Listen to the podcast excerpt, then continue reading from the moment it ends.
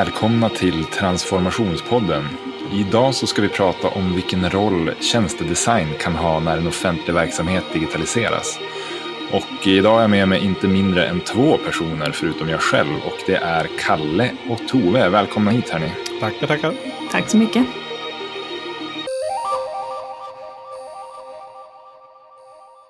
Kalle, du ansvarig för uh, användarforskningen här och designmetodiken på Hello Future. Det har vi pratat med lite grann förut, men Tove, du, du är ny här. Ja, ny i poddvärlden är jag. Eller, eller ny, ny här säger jag. Du är ny i poddvärlden, precis. Vad gör du på Hello Future? Eh, ja, men jag jobbar som, eh, som tjänstedesigner, så att, eh, det blir mycket workshop-facilitering eh, och en del eh, ja, insiktsarbete, alltså insiktsstudier.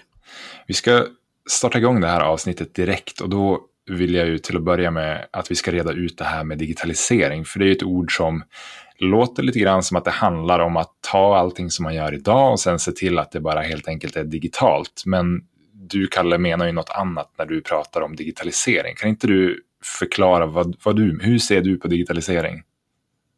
Ja, precis. Nej, jag tror, tror så här att det i ganska stor utsträckning så handlar digitalisering om att möta nya saker som inte har funnits där tidigare.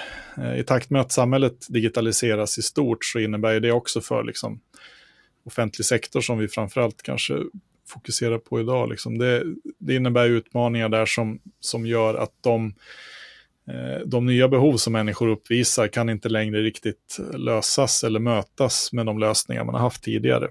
Eh, och där tänker jag att ja, det är ganska lätt att datorisera en befintlig process, att liksom ta någonting vi redan gör och har gjort sedan 80-talet och liksom göra det lite snabbare och lite smartare med hjälp av datorer. Vi får upp en effektivitet där när vi liksom inför teknik eh, och i bästa fall så, så innebär det liksom att vi blir lite smidigare.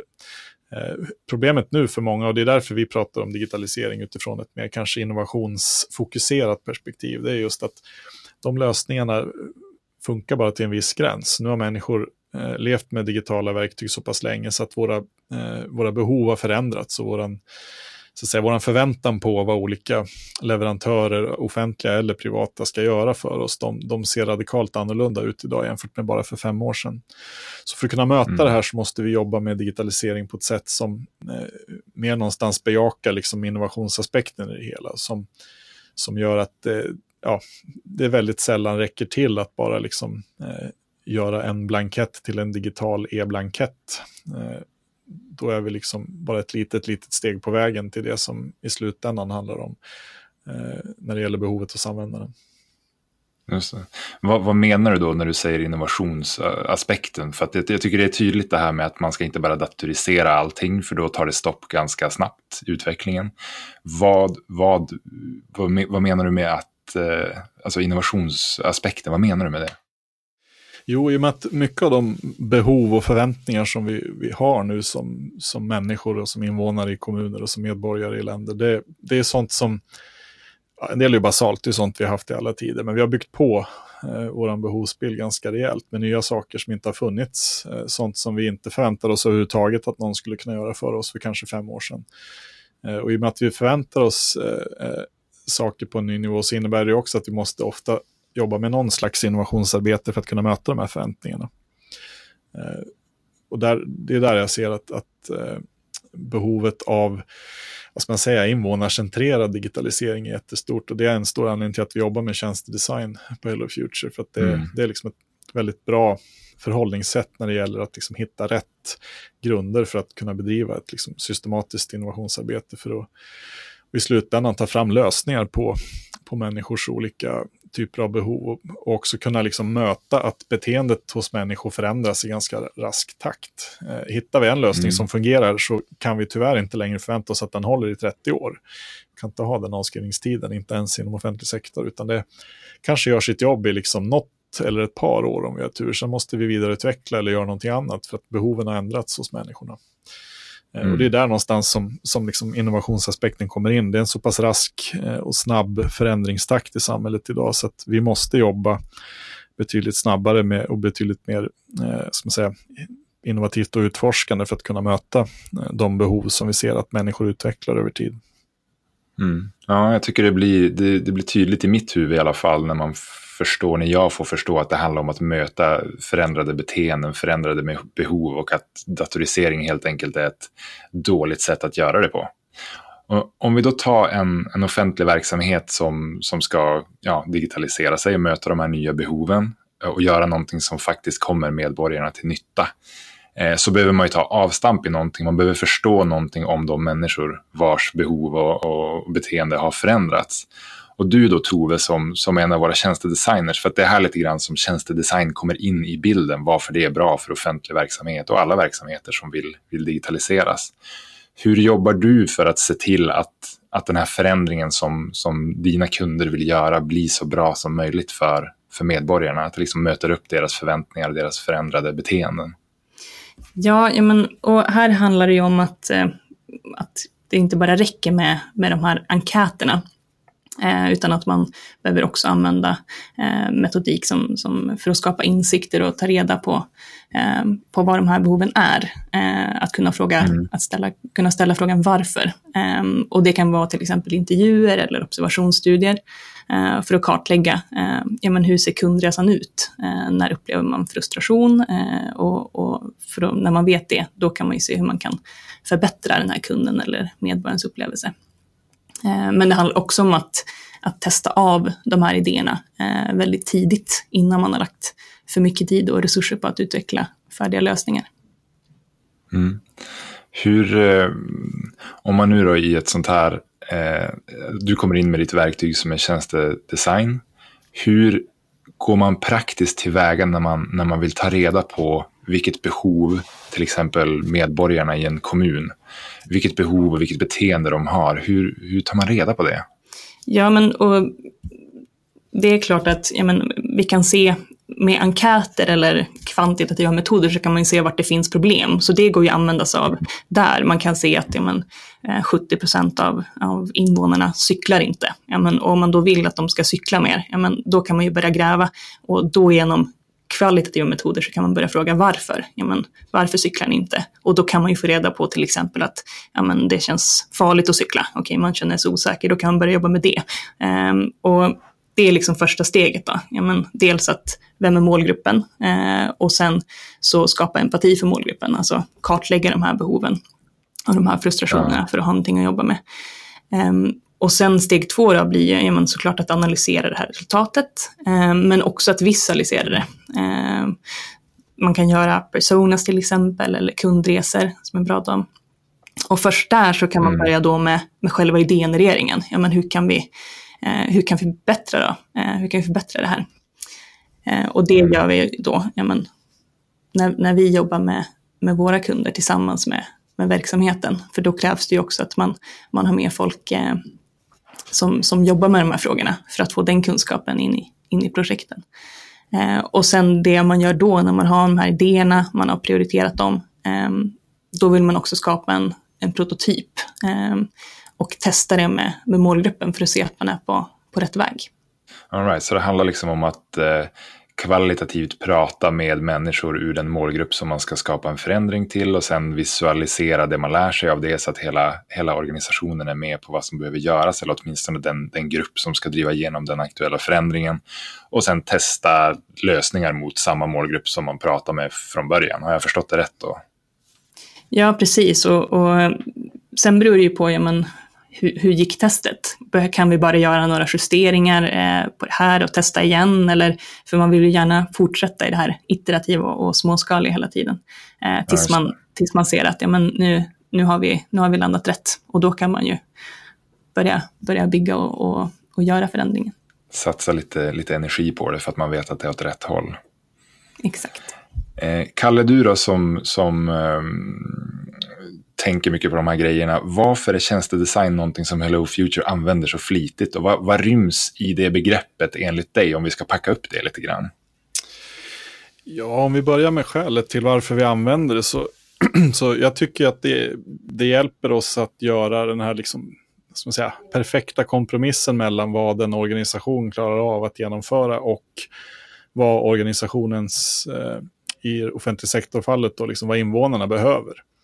Eh, behovsmassan mm. hos invånarna är oftast större än vad man liksom realistiskt mäktar med som, som kommunal organisation exempelvis, att, liksom, att drifta saker på, som tillgodoser.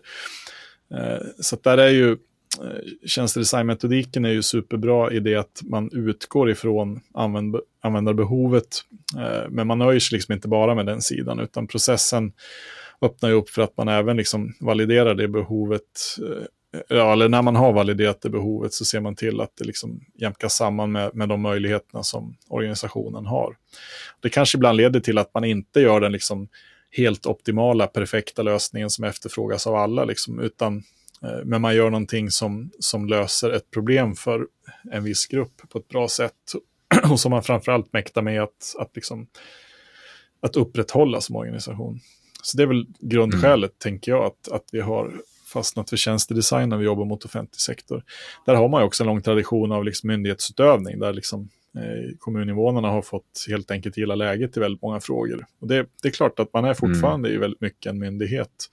Eh, men människor förväntar sig inte riktigt samma saker av en myndighet idag som man liksom i någon mening förväntade sig på 1980-talet eller vad man accepterade på 90-talet, utan eh, man har ju en annan bild av vad en myndighet förväntas göra.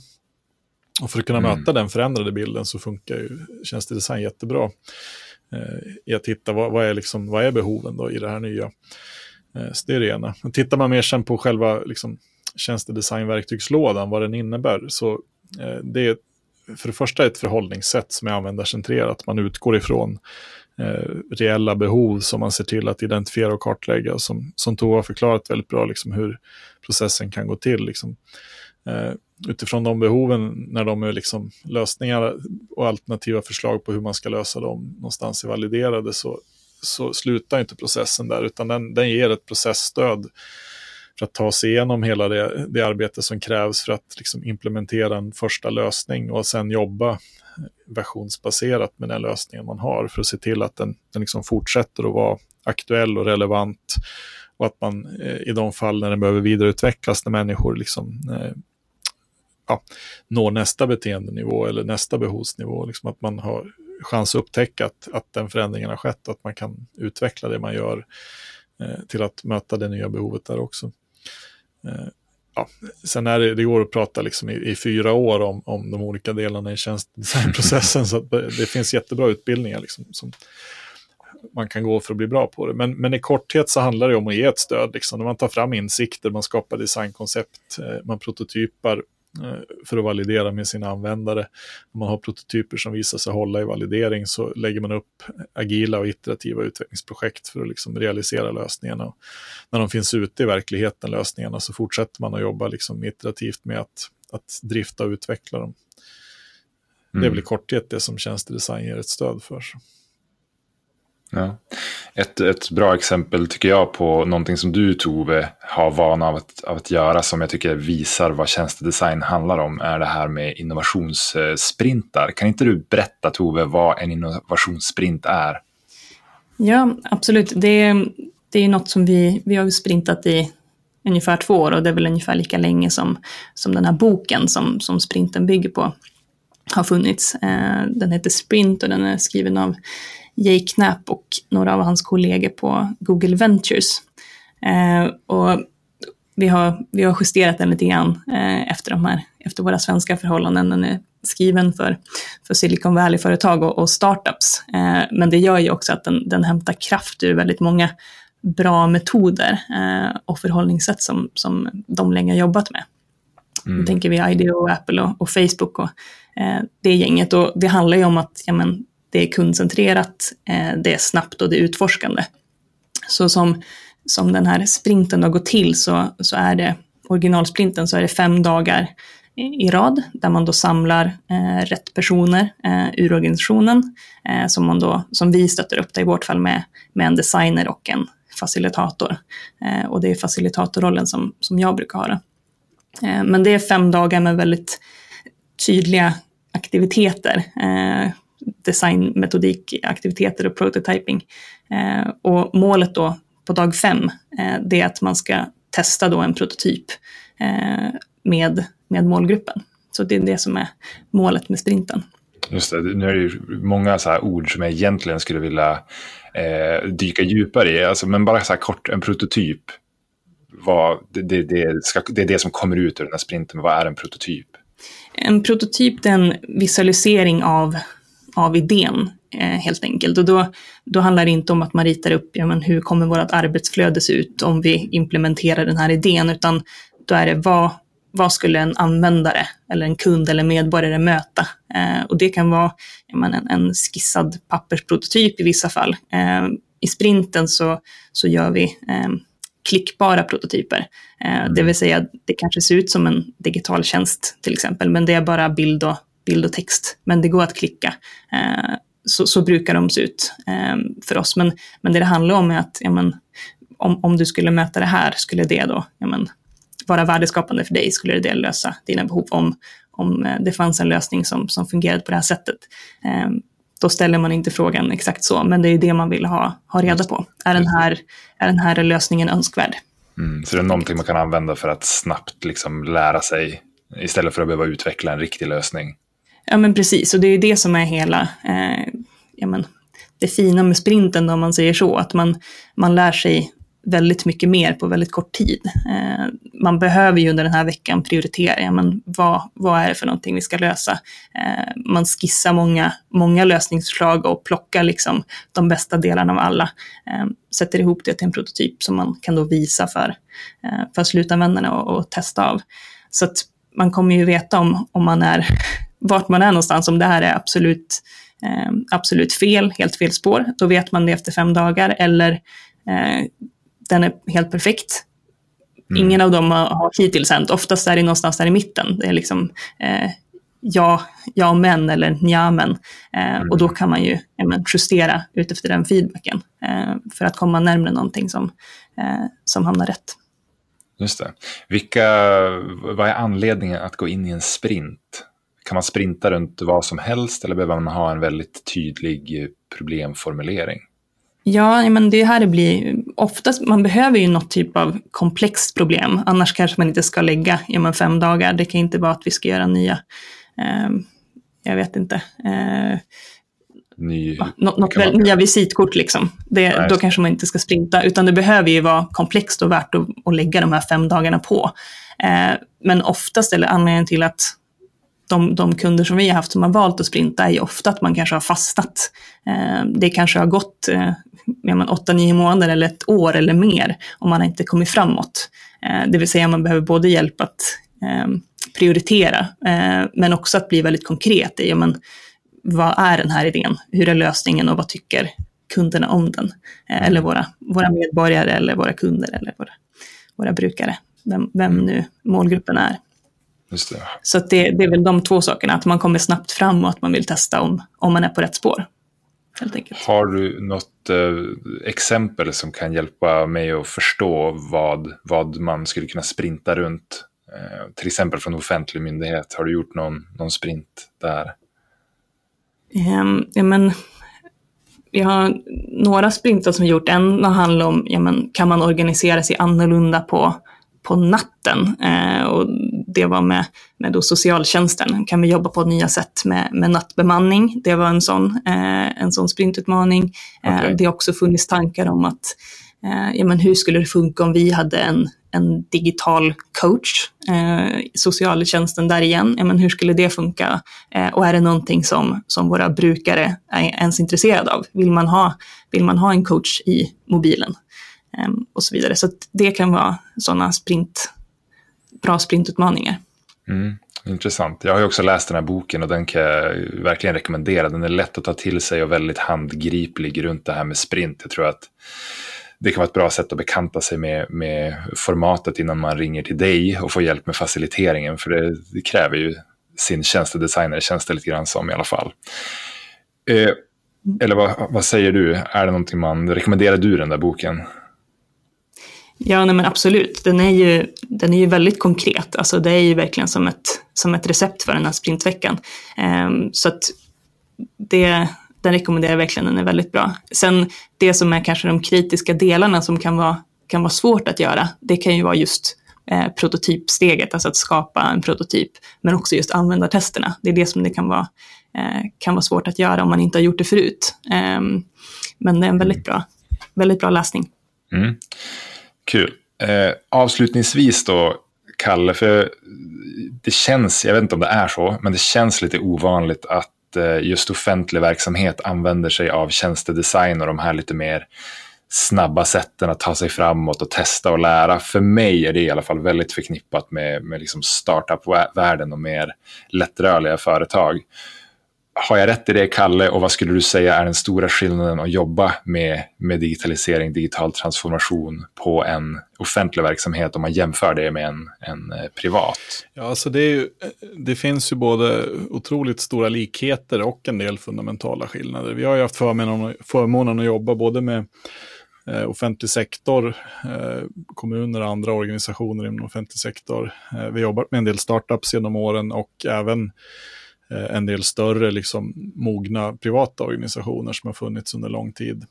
Eh, jag skulle säga det att de stora likheterna ser jag jättetydligt mellan liksom förvaltande organisationer oavsett om de är liksom privata eller offentliga. Har man haft sitt uppdrag under lång tid eller sin affärsmodell innan liksom, digitaliseringen på allvar drabbade samhället så har man ju någonstans eh, byggt upp ungefär samma typ av grundstruktur och samma typ av grundkultur. Liksom man, man, har någonting hyfsat känt som man ska försöka förvalta och, och ständigt förbättra.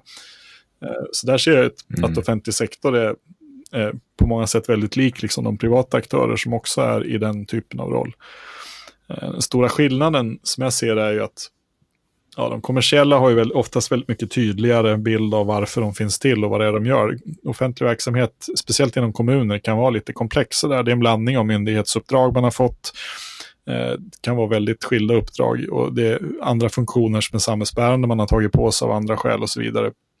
Och det är ofta eh, rätt, ja, det är rätt skilda villkor liksom, om man bedriver verksamhet inom fritid kulturområdet eller om det är socialtjänst. Eller, ja, eh, det är en ganska bred komplex palett och det kanske är en del funktioner som man inte hade kombinerat i en privat verksamhet. Eh, så där, där, finns det ju liksom en klar skillnad också. Eh, sen ser jag en, en, stor anledning till att, att offentlig sektor använder sig av tjänstedesign just nu är att jag tror att det aldrig har varit viktigare än nu att leverera eh, en bra samhällsservice för de invånare man har.